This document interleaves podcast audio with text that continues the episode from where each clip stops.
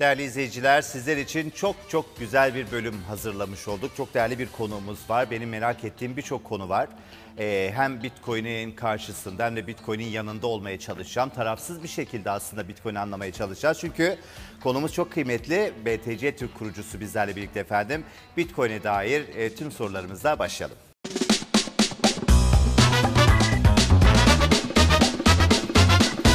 Kerem Bey, öncelikle hoş geldiniz. Hoş bulduk. Siz Türkiye'de Bitcoin'i tanıştıran kişi olarak biliniyorsunuz ve aslında e, bu anlamda Bitcoin'in felsefesini anlatabildiniz mi? Ve hani e, iyi bir şey işaret ettiğinizi düşünüyor musunuz? Elimizden geleni yaptık. Neredeyse 10. 10. yılımıza giriyoruz Temmuz ayında, 2023 Temmuz ayında.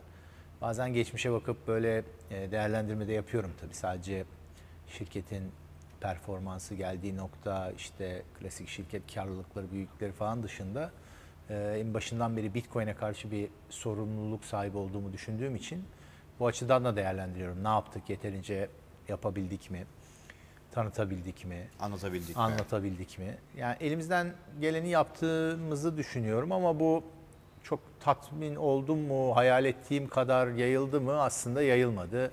Çünkü e, zor. Yani Bitcoin'in kıymetini anlamak zor. Hele şimdi ilk başta şey gibi düşünüyordum. İşte var olan ekonomik sistem, var olan para sistemine bir alternatif çıkıyor. Aradaki farkı rahat görürler insanlar. Zaman alır ama e, Bitcoin'in kalitesini anlarlar.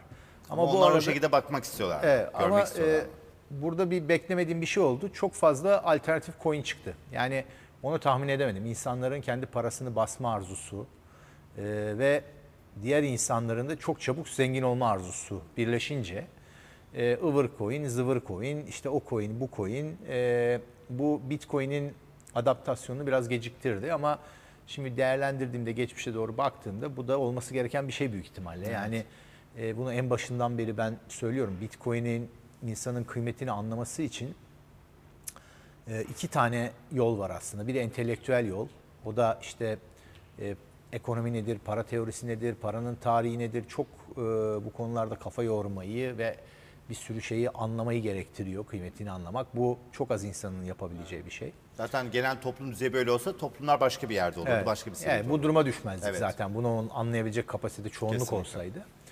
Ee, ikincisi de e, bu fiyat artışının getirdiği albeniyle insanların gelmesi ve pratikte farklarını görmesi. Yani benim cebimde bir dolar var. İşte satın alma gücü düşüyor. TL kadar olmasa bile. E, Bitcoin var. Bitcoin'in artıyor. Ben teoriye gerek yok benim için. Ben yaşadım yıllar içinde. 13-14 yıl oldu. Bunu gördüm e, var. İşte bu ikincisiyle birlikte ben Bitcoin adaptasyonunun daha hızlı olacağını düşünüyordum ama araya maalesef dediğim gibi diğer coinler falan girdi. Ama bu her, Biraz her sektörde sanırım oluyor. Yani yatırımcılar çok böyle e, Kerem Bey yani işi gerçekten de bazen rayından e, istediğiniz şekilde çıkartabiliyor. Forex'te de oldu. E, ve bu anlamda yatırımcılar aslında bu şuursuzca e, kar alma isteğinden dolayı sonrasında da hükümete de rahatsız edici bir boyuta geliyor. Ama burada özellikle yatırımcıları dönüştürmek yerine tabii ki en kolay şey o piyasayla ilgili bir daraltıcı regülasyon gibi tartışılıyor.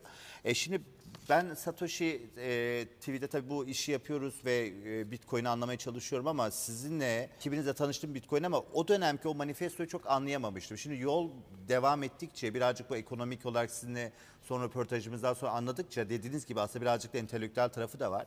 E, Bitcoin daha çok anladım ama sonra dedim ki ya Murat dedim çok mu abartıyorsun? Sonuçta bu adamlar ya yani Satoshi kimse bilmiyorum. E, bize bir sayfalık bir doküman verdi ve bu dokümanda bir aslında merkeziyetsizlik yapısını anlatıyor. Çok mu anlam yüklüyoruz yoksa sadece basit bir aslında e, bir yapıdan mı bahsediyor? Ee, en önemli şey merkeziyetsizlik, ee, sahibinin olmaması. Çünkü para basma yetkisi öyle bir güç veriyor ki kişiye veya kuruma veya devlete ne olursa olsun ee, bu ister istemez suistimale yol açıyor.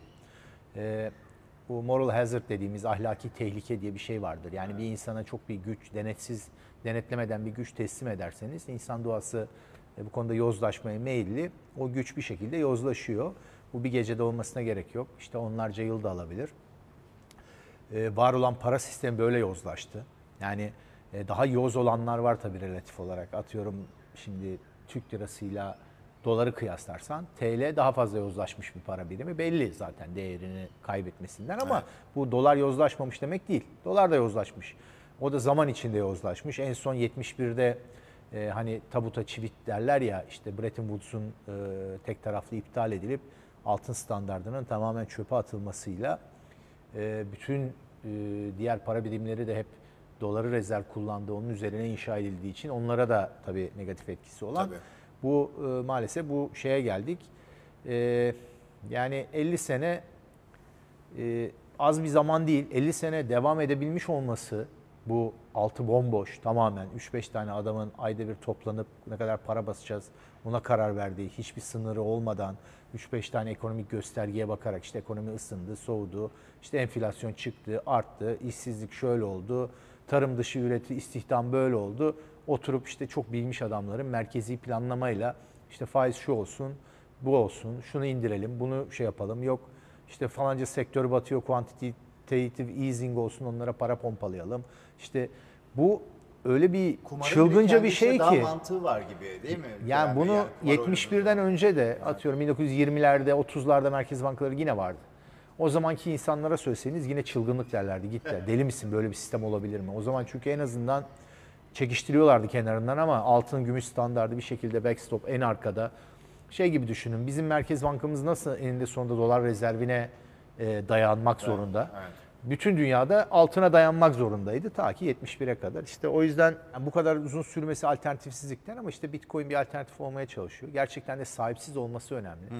Yani yepyeni teknolojiyle yepyeni bir sistem kurarsınız ama bir iki sahibi olursa bu devlet olabilir, e, işte şirket olabilir, kişi olabilir. Bu yozlaşacak. Bitcoin'in en önemli özelliği sahipsiz olması.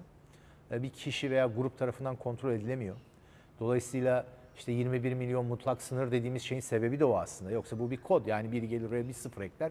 210 milyon da olur. Bugün nasıl Fed'de para yaratırken bir tuşla yaratıyorlar. Artık para basma makinesi bile kullanılmıyor.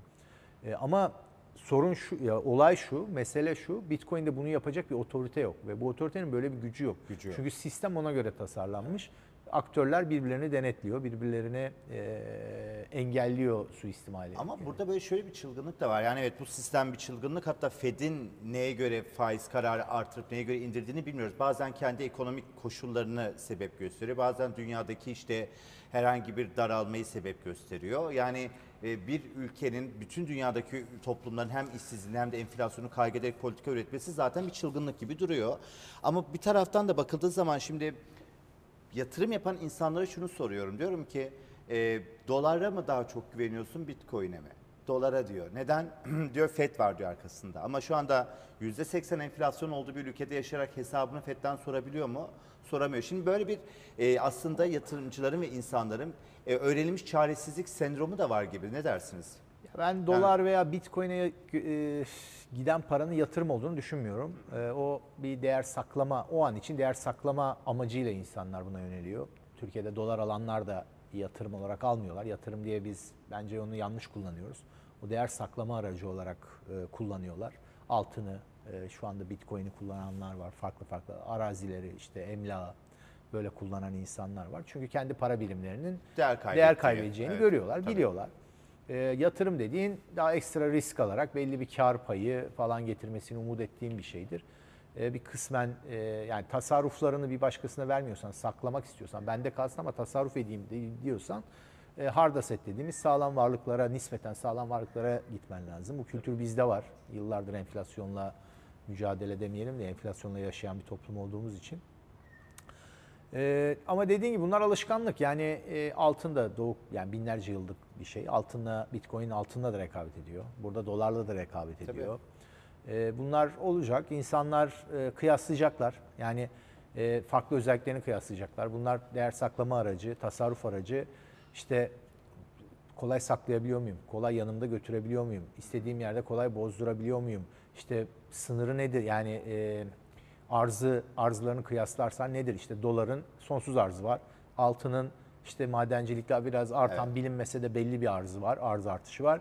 Bitcoin'in birebir bildiğin dakikası dakikasına gün gün ne kadar üretileceğini bildiğin öyle bir e, takvimi var ki enflasyon takvimi böyle bir şey tarihte görülmedi. Yani Ben, siz bana sorun 2072 yılının Şubat ayında ne kadar Bitcoin üretilecek ben söyleyebilirim. Tam anlamıyla aslında deterministik bir ürün. Evet. Yani dolar da aslında ve birçok para biriminde determinist olmak zorunda ama maalesef bu tabii hiçbir merkez bankası artık bunu istemiyor. Çünkü toplumu bilgilendirmeden basılan paralar aslında bakıldığı zaman ciddi bir enflasyona ve değer kaybına ve gelir kaybına sebebiyet veriyor. Merkez bankalarının bu anlamda görevi kötüye kullanması daha ne kadar sürdürebilir sizce? Merkez bankalarının görevlilerini kötüye kullandığını düşünmüyorum. Çünkü yani şunu farz ederseniz eğer e, ben şunu farz etmiyorum hiçbir zaman o kadar saf değilim. Merkez bankaları ekonomiye faydalı iş yapmak için toplumun şey yok böyle bir şey. Kendi çıkarlarına hizmet için varlar. Yani birebir görevlerini yapıyorlar Tabii. adamlar. O zaman devlete bağımlı, hizmet etmek. Tabii. yersiz bir tartışma. Devletlere hizmet etmek için, politik sınıfa hizmet etmek için. E, ne zaman e, halkın yararına bir iş yapıyormuş gibi görünüyorlar. Mesela enflasyon yükseldi. Politik sonucu olacağı zaman. Yani bir şey politik sonucu olacak gibiyse o zaman şey rolüne giriyorlar. Ben ekonominin düzgün işleyişinden sorumlu melek işte tepede bunları kontrol eden bir kurumum havasına giriyorlar. Halbuki mesela örnek vereyim bugün Fed çatır çatır faiz arttırıyor değil mi enflasyon yükseldi Evet. diye. Bir sürü işsizlik rakamları işte işten çıkarmalar, e, daralma, resesyon konuşuluyor falan. E, bir tane ama sektörden kötü bir şey gelmiyor. Hangi sektör o? Amerika'da finans sektörü, bankacılık sektörü. Eğer finans sektöründe, bankacılık sektöründe bugün bir problem olsaydı Fed çatır çatır faizleri indirirdi, bütün kuantitatif easing yapardı. 2008'de olan aynı şeyi birebir yapardı. Orayı Çünkü ilk şeyi o. Evet. Yani bankaların batmasına izin, şeye batmasına izin verir. Normal fabrikaların batmasına. Umurunda değil Fed'in. Fed'in işi o değil. Fed'in işi bankaları korumak.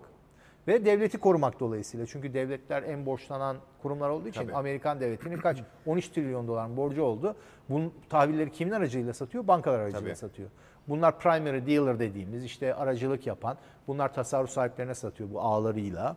O kendi bazen kendi bilançolarını alıyor. Bazen Fed kendi bilançosuna Aslında alıyor o ama akış bozuluyor değil mi evet, böyle olursa? Yani bu e, iki grup ki bu merkez bankalarının kurulmasından beri aslında bu e, ortaklık, suç ortaklığı da diyebiliriz buna ekonomide. Devletle bankacılık sektörünün merkez bankaları etrafında ve işte senyoraj e, kanunlarıyla yaptığı bu ortaklık e, ta işte Bank of England'dan falan başlar. Yani Bank of England'da ilk kurulduğunda devletin merkez bankası değildi.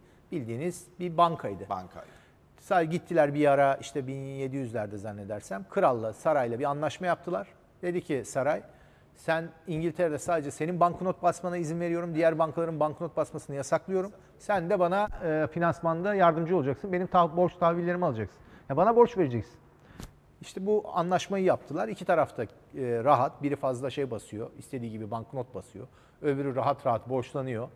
Tamam yani diğer ekonomiymiş, diğer işte üreten insanlarmış, tasarruf eden insanlarmış. Bunlar önemli aktörler değil onlar için. Zaten şu andaki tartışmalar da aslında birazcık Fed'i de bu faiz arttırmaktan ziyade faiz indirmeye zorlayacak gibi. Çünkü tam ekonomik sonuçlarını görmeden iş dünyasından da bankalardan da çıkarmalar başladı. En son JP Morgan ve Goldman Sachs'ta da yatırım bankalarda da bir azaltım İşte olmaya başladı. e, kolay paraya alışınca ekonomi e, maalesef işte alkol alkolik gibi yani alkolik düşünün. Alkol almadığı zaman krize giren bir alkolik düşünün. Kolay parada ekonomide genelde bu etkiyi Bu yapar. etki yapıyor. E, faiz arttırmalar, sıkılaştırmalar, geçici sıkılaştırmalar işte alkollüliğin alkolü bırakma şeyidir.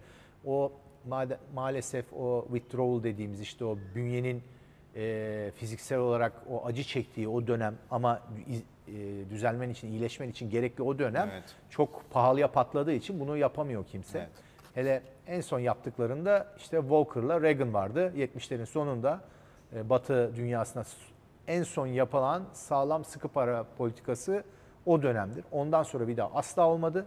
Ondan sonra sadece az mı para basalım, çok mu para basalım e, olayları oldu. E, bundan sonra da dönebileceklerini zannetmiyorum. Bu e, dönülmez akşamın ufkundayız diye bir şey vardır ya. Yani o yola çıkıldı. Evet. Bu saatten sonra bu borç yüküyle, bu işte alışkanlıkla kimse çıkıp da tamam biz 2-3 sene sağlam bir resesyona gireceğiz. Temizlenecek ekonomi. Ondan sonra yeniden e, yapacağız falan demeyi göze alamaz zannediyorum. Politik olarak mümkün değil. Evet, daha zorlu bir aslında o zaman dünyayı ve ekonomik e, buhranın devam edeceğini de gösteriyor. Maalesef kendi içerisinde bir e, yıkıcı etkisi de var savaş gibi. Kerem Bey şunu soracağım. Yani Bitcoin'in manifestosuna bakınca 2008-2009'da da işte bu hani daha e, ilk Bitcoin işlemleri vesaire yapılmaya başlanıyor. E, bu dönemde 2008 krizinin şu anda biz hala işte faturasını ödüyoruz tüm dünya olarak ve birçok aslında e, analistler de bunu da söylüyor. E, en son Paul Krugman işte bu enflasyonu yenmeden aman şu para politikasını sonlandırmayın vesaire gibi uyarıları var ama bunlar birazcık romantik uyarılar gibi geliyor. Yine bu sistemi savunan mekanizma uyarıları. Şunu sorun, öğre- öğrenmek istiyorum. Yani 2008'de bu manifestonun ortaya çıkması aslında buraya da bir gönderme olduğunu düşünüyor musunuz tarihsel Tabii, tabii. anlamda? Bir taraftan da para bu kadar büyük bir erkken, bu kadar büyük bir güçken devletlerin ve bu sistemlerin bankacının üzerinden bu gücü aldığınız zaman burada baş, bambaşka bir siyasi ve ekonomik dönüşüm var. Yani bu da başka bir aslında türbülansa e, dünyanın hazırlayacağı bir dönem mi yoksa şu anda bunu yaşıyor muyuz Bitcoin'in Yaşıyoruz tabii. Yani şu anda volatiliteler arttı her yerde. Yani bu pandemi de girdi araya tabii. Orada da Evet. abarttılar para basmayı. 2008'de başladılar. O kapılar açıldı. Ee, çünkü bu tip şeyler emsal olduğu zaman arka bir tane bir adım attığında o çok radikal gibi görünür. Yani rakam vereyim şimdi gülersiniz. İlk 2008'deki ilk kurtarma okuydu 500 milyar dolardı ve insanlar inanılmaz nasıl olabilir? İşte bilmem ne falan diye gözleri açıktı. Şimdi Evet. bir sürü şirketin değeri bir trilyon doları geçti. Trilyon dolar. Yani düşünün enflasyonu. O şirketler çok başarılı olduğu için değil. Enflasyonla fazla yaratılan para o şirket hisselerine gittiği için. Çünkü gözde hisseler işte. Bu enflasyon Amazon'da, Bitcoin değerini yükseltecek Tabii. bu arada değil mi Bey? Enflasyon sadece patates, domates fiyatı artması değildir. Varlık fiyatlarının artması da enflasyon. Tabii. Ama o hoşuna gider insanların çünkü zenginlik hisseder insanlar. Ee, ama tabii bu ekonomiyi başka türlü de bozar. Oralara biraz daha detaylı şimdi girmeyelim. Şimdi bunlar emsal oluyor. Emsal oldukça da işte dediğimiz gibi alkolik birinin işte bir kere içmekle alkolik olmuyorsun. İki kere içiyorsun, üç kere bir sınır Vücut var. bir alışıyor. e, bir şey Evet. noktası var, kırılma noktası var. O noktadan sonra artık diyorsun ki sen alkoliksin. Bir gün içmediğin zaman elin ayağın titriyor. Evet. Şimdi o noktaya geldiği zaman kolay para e, politikalarıyla e, bir ekonomi ondan sonra bilmiyorum yani o kadar büyük bir bedel ödemen lazım ki düzelebilmen için. İşte e, bir hastaneye gidip e, gidip orada Rehabilitasyon. e, rehabilitasyona uzun acılar çekmen Aynen, lazım ki aynen. bu politik olarak çok mümkün değil. Çünkü yani yeni nesiller değişiyor. Yani bu bundan faydalanan şeyler emekli oldu gitti. Şimdi yeni nesil geldi. Fatura bunlara çıktı. Bunlar diyor ki ya kardeşim biz yeni geldik yani. Yeni üniversiteyi bitirdik. Siz bize Daha bu yeni dünyayı böyle bıraktınız Ha, yani. bu ne yapacağız biz falan oluyor. Evet. Şimdi benim beklentim şu, böyle çok büyük bir reset beklemiyorum. Ee, parayı öldürecekler yavaş yavaş, mecburlar çünkü. Yani bu dediğimiz enflasyonun yavaş yavaş işte para basmanın, işte faiz düşürmenin veya e, faiz ancak para basarak, para miktarını arttırarak düşürebilirsiniz. Yoksa kağıt üzerinde bir anlamı yok. E, dediğin Fed geri vites yaptığında e, kesin yapacak. Ne zaman yapar? Bu sene mi önümüzdeki önemli değil. Tekrar para hacmi artmaya başladığında yine bir rahatlık olacak ama bu yavaş yavaş parayı öldüren şeyler. bunlar. Öldüren şeyler. Anlamını yitiren Evet, şeyler olacak değil o mi? süreçte de Bitcoin'in yavaş yavaş e, adaptasyonunu arttıracağını, alternatif bir finansal sistem olabileceğini düşünüyorum. Yani Her şeyi dönüştürecek mi sizce? bir anda değil, yavaş yavaş. Önce işte atıyorum uluslararası ticarette şimdi dolar mı kullanılıyor? Dolar fiyatlama mı var? E, işte Çinli bir firma ile Afrikalı bir firma çalışırken fiyatlarını dolar üzerinden e, hesaplıyorlar. İşte rezerv para diye. Şimdi bu yavaş yavaş önce iki firma Bitcoin kullanmaya başlayacak. İki ülke işte bir ülke Bitcoin'i Merkez Bankası rezervine koymaya başlayacak. Böyle minik minik şeylerle, minik O minik adımlar. dünyayı iyiler hala koruyor mu? Ya bu çıkar Niye şeyleri. o zaman bu Bitcoin tasarlandı? İyiler değil yani öyle bir iyi kötü diye değil de Hayır, çıkar şöyle, çünkü- sahipleri yani Bitcoin'in şöyle güzel bir tarafı var. Ee, şimdi var olan sistemden memnun olmayan çok ülkeler var. Üçüncü dünya ülkeleri, Afrika, Latin Amerika, Latin Amerika ülkeleri, işte Çin bunlar bir sürü sebepten bağımsız bir rezerv para birimi istiyor bu insanlar. Çünkü doların hegemonyasında şimdi işte Swift'ten atıyor Rusya'yı. Öbür tarafa gidiyor dolar e, tahvillerine el koyuyor. İşte birinin rezervlerini istese bir anda sıfırlayabilir. Tabii. Öyle bir gücü var Amerika'nın şu anda. Televizyon şarkı yarışmasından da çıkartabilir. Şimdi bu, bu varken kim ister yani herhangi bir ülkenin böyle Tabii. bir e, kılıç tepende şey olmasını? Ha bir sürü ufak ülkenin veya işte orta boy ülkenin çıkarını aslında ama bir anda e, değişim zor. Çünkü bütün sistem onun üzerine inşa edilmiş. Bütün bankacılık sistemi, uluslararası ticaret falan. O yüzden zaman alacak. E, bu şeyin içindeyiz. Şimdi fark edemiyoruz tabii. Bir sürü gelişmeler oluyor bizim fark edemediğimiz, takip edemediğimiz. E, Dönüşüyor diye düşünüyorum. Peki e, şimdi paki, e, Bitcoin'i tasarlayanlar, bu teknolojiyi kazandıran ya da kazandıranlar diyelim hani kim olduğunu bu işin merkezinde olmama felsefesiyle çok net anlıyoruz ve hak da veriyorum yani gerçekten de Powell her gün bir kaygıyla doların değerini belki biz de işte ekranda analiz verirken işte e, dolarla ilgili işte e, FED açıklaması yaparken bir gözleri dolar endeksine bakıyordur illaki. Yani bu kaygılar ben bana çok samimi ve benim cebimi düşündüren hamleler olmadığını farkındayım ama Bitcoin'i tasarlayan akıl diyelim. El Salvador ve işte diğer gelişmelerde işleri rahat ediyor mudur sizce? Çünkü hani Bitcoin'in felsefesine uygun bir hikaye oluşmaya başladı mı ilk sorum. Bir taraftan da Güney e, Amerika'da özellikle Latin Amerika'da yükselen bir sol var. Avrupa'da ise aşırı sağ var. E, ve bu anlamda aşırılıklar tabii yükseliyor bu popülist politikalardan dolayı ve Latin Amerika'da da Arjantin ve Brezilya e, güney politikası sur dedikleri bir para birimi üzerinde konuştular.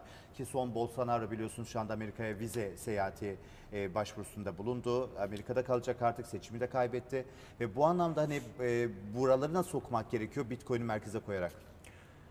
Valla Satoshi eğer yaşıyorsa, takip ediyorsa bence mutludur bulunduğu yerden. Çünkü e, her şeyi değiştirebileceğini, bunun zaman alacağını, belli bir e, süreçlerden geçirmesi gerektiğini e, biliyordu. Zaten yazılarından anlıyorsun. Bu var olan finansal sistemin sürdürülebilir olmadığını bildiğini de biliyoruz. O yüzden Evet. bir alternatif yarattığını ve bu açık eleştirilerini de biliyoruz eski yazılarında. Ee, tabii ki zamanlaması işte onu kimse bilemez. İnsan e, ada, her şeye adapte olur ama yavaş adapte olan bir varlık.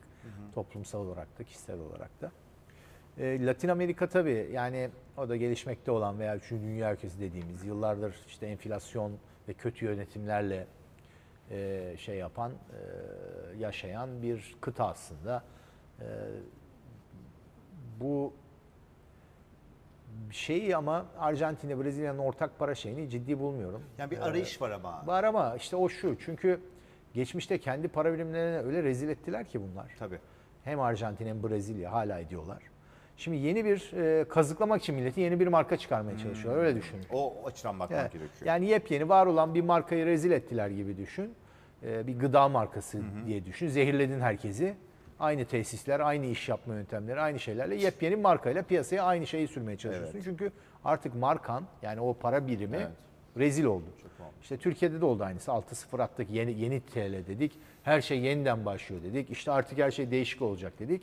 Şimdi bu çok olmuştur ama tarihte. Tarihte fiyat money dediğimiz bu kağıt paraların zaten çıkanların %99'u yok. Biz hatırlamıyorsunuz bile. İsimleri değişti. Ee, işte Almanya'da Birinci Dünya Savaşı'nda olan, sonra olan hiperenflasyon, Zimbabwe'den sonra o para birimlerinin isimleri değişti. Deutsche Mark diye yeni bir isim koyuyor. Yeni bir markayla yeni bir üçkağıt başlatıyorlar.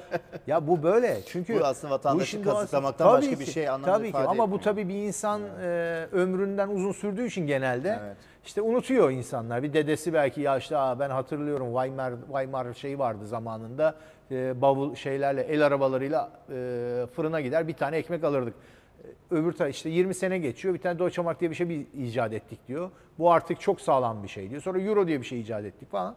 Bu tamamen e, marka değiştirerek üç kağıdı devam ettirmeye Bizde çalışıyor. de dolar, evet Türk lirası çok değer kaybetti. Adil değeri belki çok daha e, değer kaybında olması gerekiyor ama kur korumalı mevduat gibi bir sistemden bir ha- haberdarsınız galiba. E, ve bu anlamda bu sistem de aslında doların da değerini değiştiren bir sistem oluyor. Bizde de daha farklı bir tablo da oluşuyor. Ya. Ekonomideki bu dönemi nasıl okuyorsunuz e, Kerem Bey? Bir de e, bakıldığı zaman regülasyon çok tartışılıyor ama 14 yıl 14. yaşında olan bir üründen bahsediyoruz Bitcoin ve yasama, yürütme, yargı e, bütün ülkelerin elinde ve isteseler regülasyon ya da herhangi bir karar da alabilirler.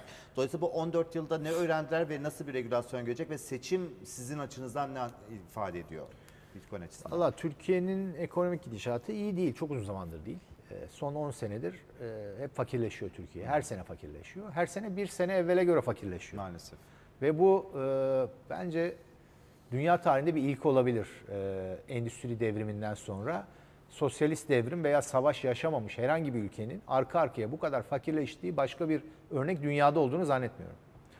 E, bunun bir sürü sebepleri var. E, katlayan sebepleri var. İşte araya pandemi de girdi, etraftaki savaştı, göçmenlerdi, işte kuzeydeki savaş. Bir sürü sebepleri de olabilir ama tabii en temel sebebi yanlış ekonomi politikaları, yanlış faiz politikası. E, Bile bile yanlış yapıldığını düşünüyor musunuz? Yok zannetmiyorum. Ben niyet okuyamam ben. Ben sadece Gerçi bakıyorum yani nasıl yanlış olduğuna bakıyorum. Çünkü e, piyasaya zaten her müdahale, her fiyat müdahalesi fiyatı e, piyasadaki dengeleri bozar. Bugün ekmeğin fiyatına da, sütün fiyatına da, işte bir tişörtün fiyatına da müdahale etsen e, piyasa bozulur. Ama piyasadaki bir ekonomideki en önemli fiyat faizdir. Faize müdahale edersen o zaman piyasanın dibine dinamit koymuş olursun. Aşağı veya yukarı.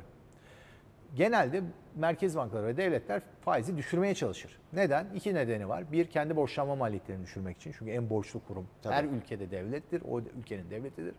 İki, ekonomik aktiviteyi canlandırır kısa vadede düşük faiz. Tabii ki ucuz kredi bulan herkes gider. işte fizibilite birden karlı hale gelir. Bilmem ne bilmem ne. Ama bu işte şey gibi biraz e, alkolin kısa süre e, süren bir güzel, hoş ha- vakit geçirmesi gibi. Yani var olan kaynakların çarçur edilerek işte çok e, balonların şişmesi, işte yanlış yatırımların yapılması bunlar yani e, maalesef e, şimdi bu sadece Türkiye özgü de bir cehalet değil. Bütün batıda bu cehalet var. Cehalet de demeyelim de bu zaten böyle yapılmak istendiği için bugünkü ekonomi bilimi, ekonomist diyen kendine adamların %99.9'u bunu rasyonize etmek için, bunu haklaştırmak için e, propaganda yapan adamlar. Ekonominin nesinden anladıkları falan da yok. Bazı O Paul Krugman dedim bile mesela. farkında değil yani O aslında. Paul Krugman New York Aynen. Times'ta şarlatanın tekidir, ekonomist Evet. değildir. Yani bir astroloğa benzer, öyle vereyim örnek vereyim. Bir astronomlar vardır, gerçek ekonomistler. Bir de astrologlar vardır, işte aynı kelimeleri kullanan, işte Mars retrosu, işte şuradan şöyle oldu diye şarlatanlık yapan. Bunlar da şarlatanlar ve amaçları devletin e, bu politikasına hizmet etmek. Maalesef. Faizi e, Bitcoin diyelim ki bir 50 yıl sonrasından bahsediyorum. Yani belki de 100 yıl sonrasından bilmiyorum. Hani Krugman'ın olmadığı dönemden umarım. Yani faiz ve e, ekonomik e, politikayı nasıl dönüştürecek sizce Bitcoin? Yani örnek veriyorum ülkelerin birbirine olan ticareti, faiz, dönüştürecek. karlılık Aslında ve işin komiği şu, noktalar nasıl olacak? e, düşük faiz istiyorsanız eninde sonunda ki bu istenebilir normal. Evet. Bu sadece Bitcoin'le olur. Yani sağlam parayla olur. İşin garibi bu. Yani para basarak aslında kendi ayaklarından vuruyorlar. Değerini azaltıyor aslında Evet yani mecburen çünkü sen e, bir şeyin fiyatını e, gerçek fiyatını değiştiremezsin. Sadece manipüle edebilirsin kısa vadeli. Şimdi faiz düşürdüler düşürdüler. Gösterge faizi kaç sen daha iyi takip ediyorsundur. E, bizim Merkez Evet. Bankası mı? Yani ben de 9, 9 biliyorum mu? ama daha da Şu aşağı anda piyasa faizi Tayyip Bey. 25, 26, 30, 35 bir sürü faizler var adamına göre. Şimdi 9 ne ne işe yarıyor bu 9? Ya zaten dedi sembolik değil. Ya sembolik, işte politik bunlar yani şimdi ama şöyle başladı. Şimdi sembolik oldu. Aynen. İlk başta nasıl başladı? Yakındı gerçek faizle gösterge faizi. Düşürmeye başladılar. Kontrol yani düşürebildiler Tam mi? 20'deyken bir başladı. Düşüremediler. Yani istersen de yapamıyorsun zaten. E bu piyasa karar verir faizin ne olduğuna. Sadece kısa vadeli manipüle eder, piyasayı bozarsın. O zaman Bitcoin bu serbest piyasa mekanizmasına karşı olan bir şey değil. Sadece Tabii mesela e, Bitcoin değerinin e, ayarlandığı şey Bitcoin popüler olduğunda, e, dominant para olduğunda ne olacağını söyleyeyim. Tasarruf daha kolay olacak.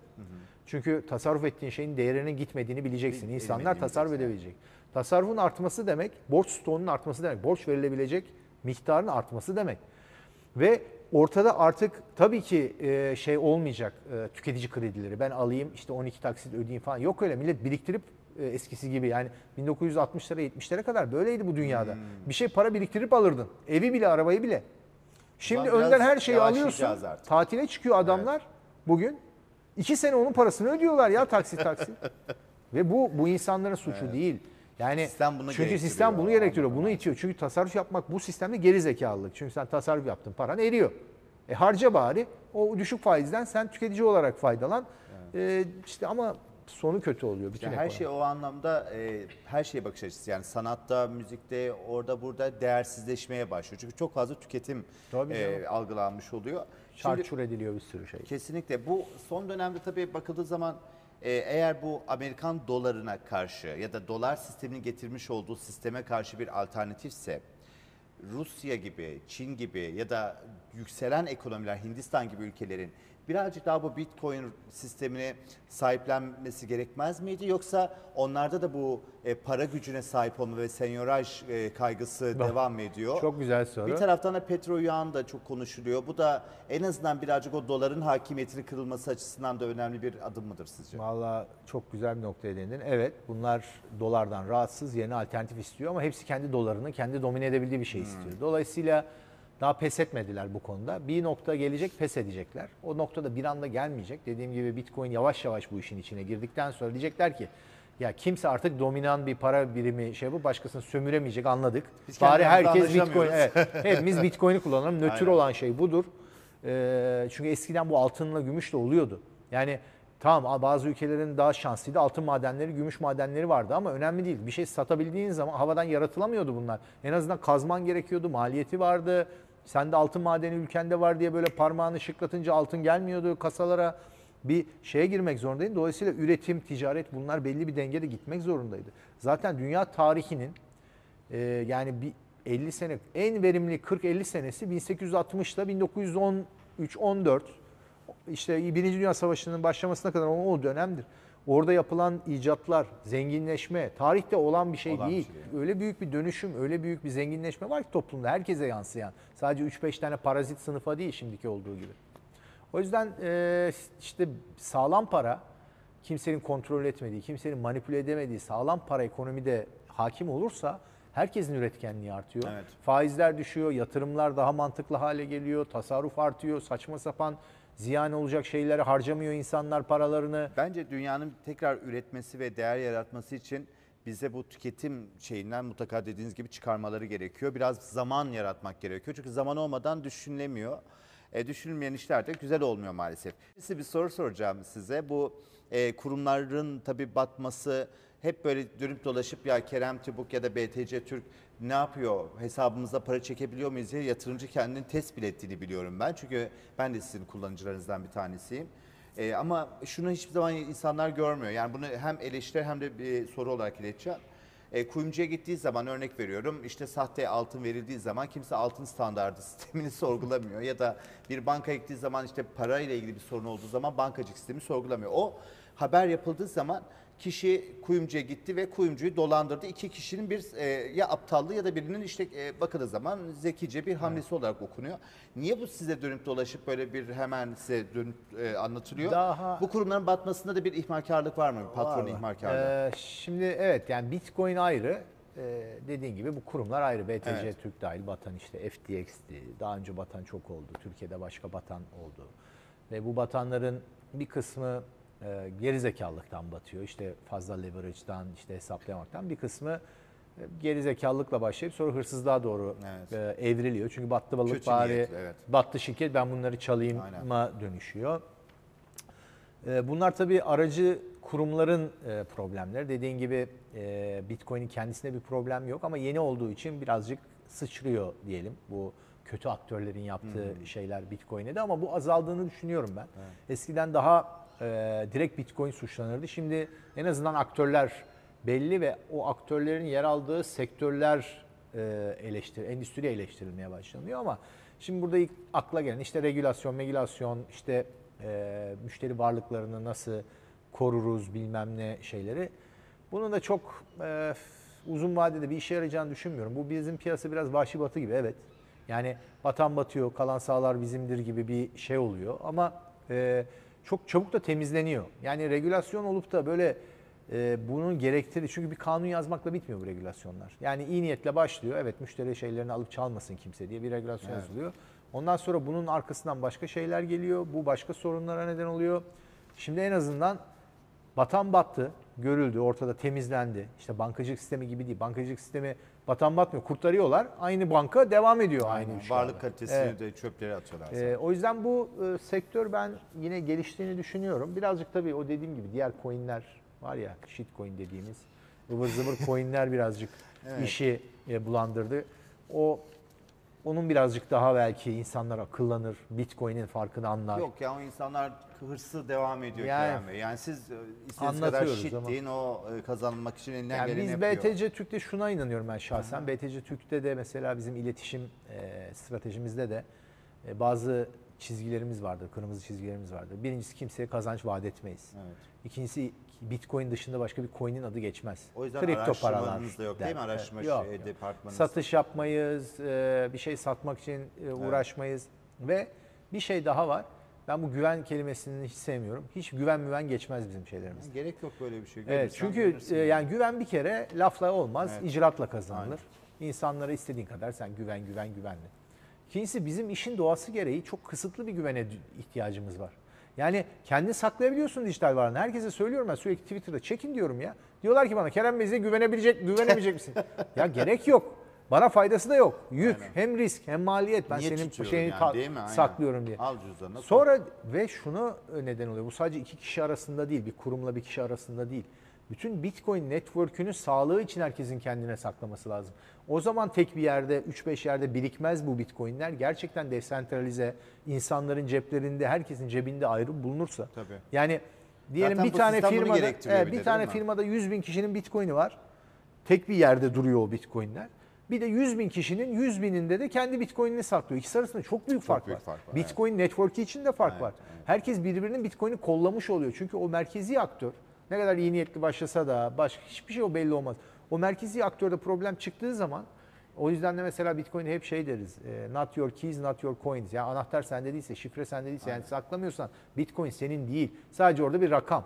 Ama kendini saklıyorsan o rakamdan ibaret değil. Mesela o kendi FTX'in batışında kendileri eğer saklasalardı değil mi? O batıştan negatif Tabii canım yani niye FTX kim sen ona ne tamam trade ederken belli kısa dönemli yatırmak İlla ki, zorunda kalırsın aynen. ama yatır sonra çek. Evet. Yani birazcık e, uğraş onunla yani birazcık şeyini evet, saklamayı öğren.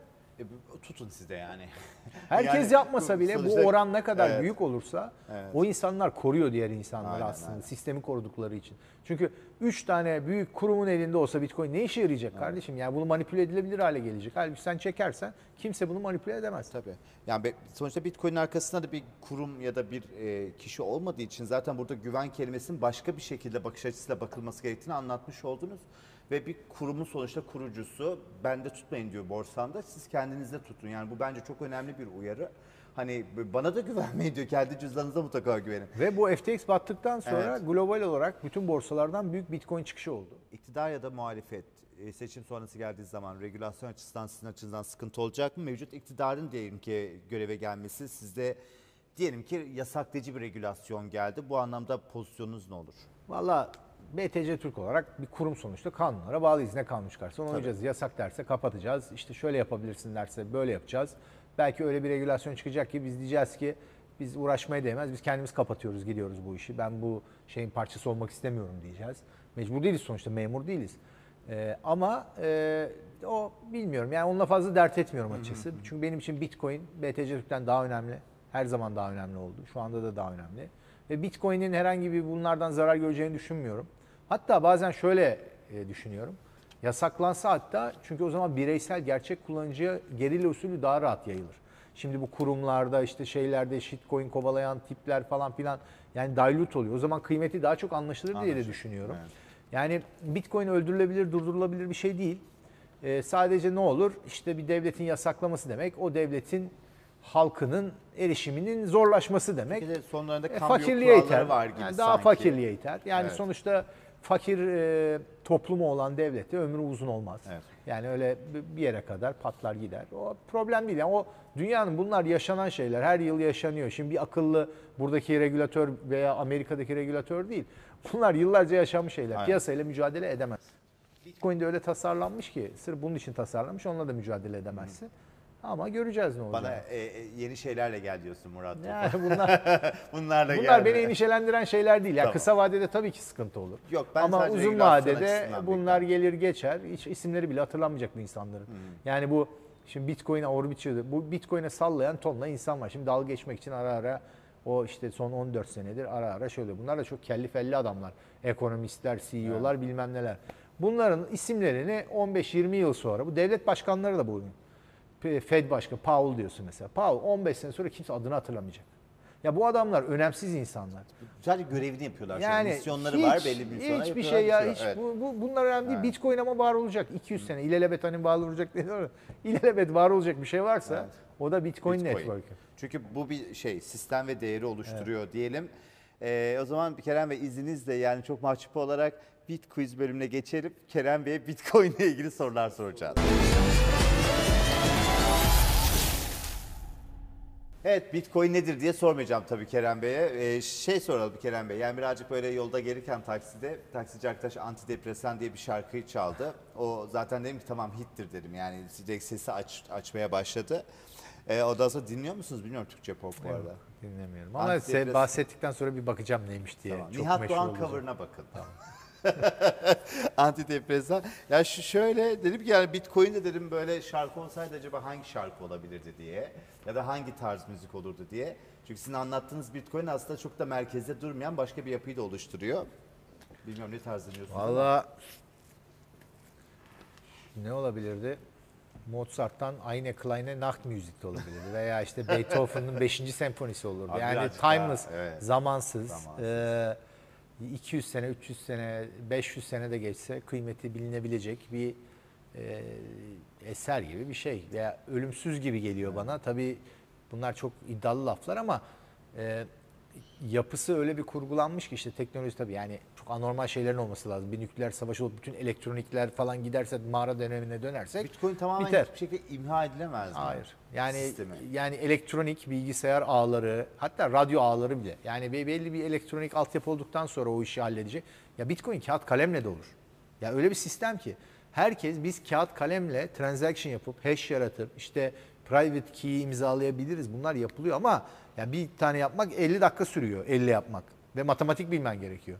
Bilgisayarlar bunları kolaylaştırdığı için ve komünikasyon kolay olduğu için internet ve bilgisayarlar kullanılıyor. dünyada hayat durursa, He, her şey durursa her o zaman işte e, silah ya altın da o zaman işe yaramaz. Herkesin bir silah zombi filmlerindeki gibi olursun. Yani e, üç kişi bir araya gelir. Mümkün o silahı olan, silahı olmayanın elinden konserveyi alır durumuna gelirsin. Ama o durumu bir kenara bırakırsan yani e, normal işte sıfıra inmediğimizi medeniyet Evet. olarak varsayarsan ben yok olabileceğini düşünmüyorum. Çok enteresan gerçekten yani hani en çok konuşulan tartışılan şey şu çünkü hani biz bu Bitcoin yapıyoruz ama Satoshi'ye işte dükkanı kapatırsa o zaman ne olacak? Aşağıda Yani dükkanı kadar, kapatalı 10 sene oldu. e, sistem Ya bu kadar 10 herhalde senedir- savunmasız değildir yani 10 bir yerden. senedir Sa- Satoshi'den haber alan yok. Evet. Satoshi'nin bir alakası yok. Ve gittikten sonra da çok daha güçlendi ve o da güzel bir şey oldu Gittiğinden emin misiniz? Ya bilmiyorum tabii hayatta mı değil mi Evet, çok yani- büyük bir irade istiyor. Yani şu anda hayattaysa hala gizli kalabilmek inanılmaz bir irade istiyor. Evet. O yüzden çok speküle etmiyorum. Aslında hayırlı oldu. Yani ben Bitcoin Evet. açısından bakıyorum. Tabii, tabii, çok, çok. hayırlı oldu. Öyle. E, peki siz böyle geleneksel bir yanınız var mıdır? Hani böyle örf, adet Var. yoksa Ya böyle örf adet olarak değil de yani? e, örf adet olarak değil. Geleneksel şöyle bir yanım var. Muhafazakar yanım diyeyim. E, şeye inanıyorum. Yani toplumların, insanların binlerce yıldır dene yanıl bir doğrulara vardığını, bunu illa birilerinin oturup da bilinçli olarak tasarlamasına gerek olmadan bir bilginin biriktiğine inanıyorum. Ama tam muhafazakarlar gibi sadece bunlar var. Hiçbir zaman bunlar sorgulanamaz. Yeni bir şey de olmaz değil. Daha arada tabii. Yani e, yeni şeylere de açığım her zaman. Ama e, geçmişte daha kaliteli bir şey varsa sırf yeni diye yenisinin peşinde koşacak. İşte bu mimariden Evet. bahsettik, sanattan. Yani 20. yüzyıl sanatına ben bedava verseler alıp asmam yani bir şeyime. E, Veya işte o tabloları, mabloları garip garip şeyler. Mimariye baktığın zaman yani kıyaslamam bile. Ama bu demek değildir ki 100 sene sonra daha e, iyisi olmayacak. Yine olabilir. Evet. Yeni bir e, daha güzel bir şey gelebilir. Bitcoin Geçmiş mi gelecek mi sizin için daha önemli? Gelecek daha önemli de gelecek Yani geleceği mi daha çok merak edersiniz yoksa geçmişi izleyerek mi yani gelecek geçmiş gelecek aslında? için önemli. Yani Evet. gelecek daha önemli. Geleceği öngörebilmek için geçmişe ihtiyacın var. Ee, o olmadan geleceği öngöremiyorsun. En önemli yani en büyük insanların derdi geçmişteki belir- gelecekteki belirsizliği mümkün olduğu kadar ortadan kaldırmak. Yani bütün çabamız bu. Medeniyet dediğim bu yani. O yüzden geçmiş o yüzden önemli. Yoksa ne olacak? Var mı eklemek istediğiniz bir şey? Yok çok teşekkür ederim. Çok keyifli sohbet oldu. Güzel sorular, güzel gündemi de değerlendirdik. Teşekkür ederiz. Ee, biz teşekkür ederiz. Vallahi mutlu olduk Kerem Tübü ağırlayarak diyelim efendim. Ee, tabii gelecek bölümlerde e, yine Bitcoin'i konuşacağız. Bitcoin'i enine boyuna her şeyle tartıştık. Yorum yapmayı ve beğenmeyi lütfen unutmayın. Görüşmek dileğiyle.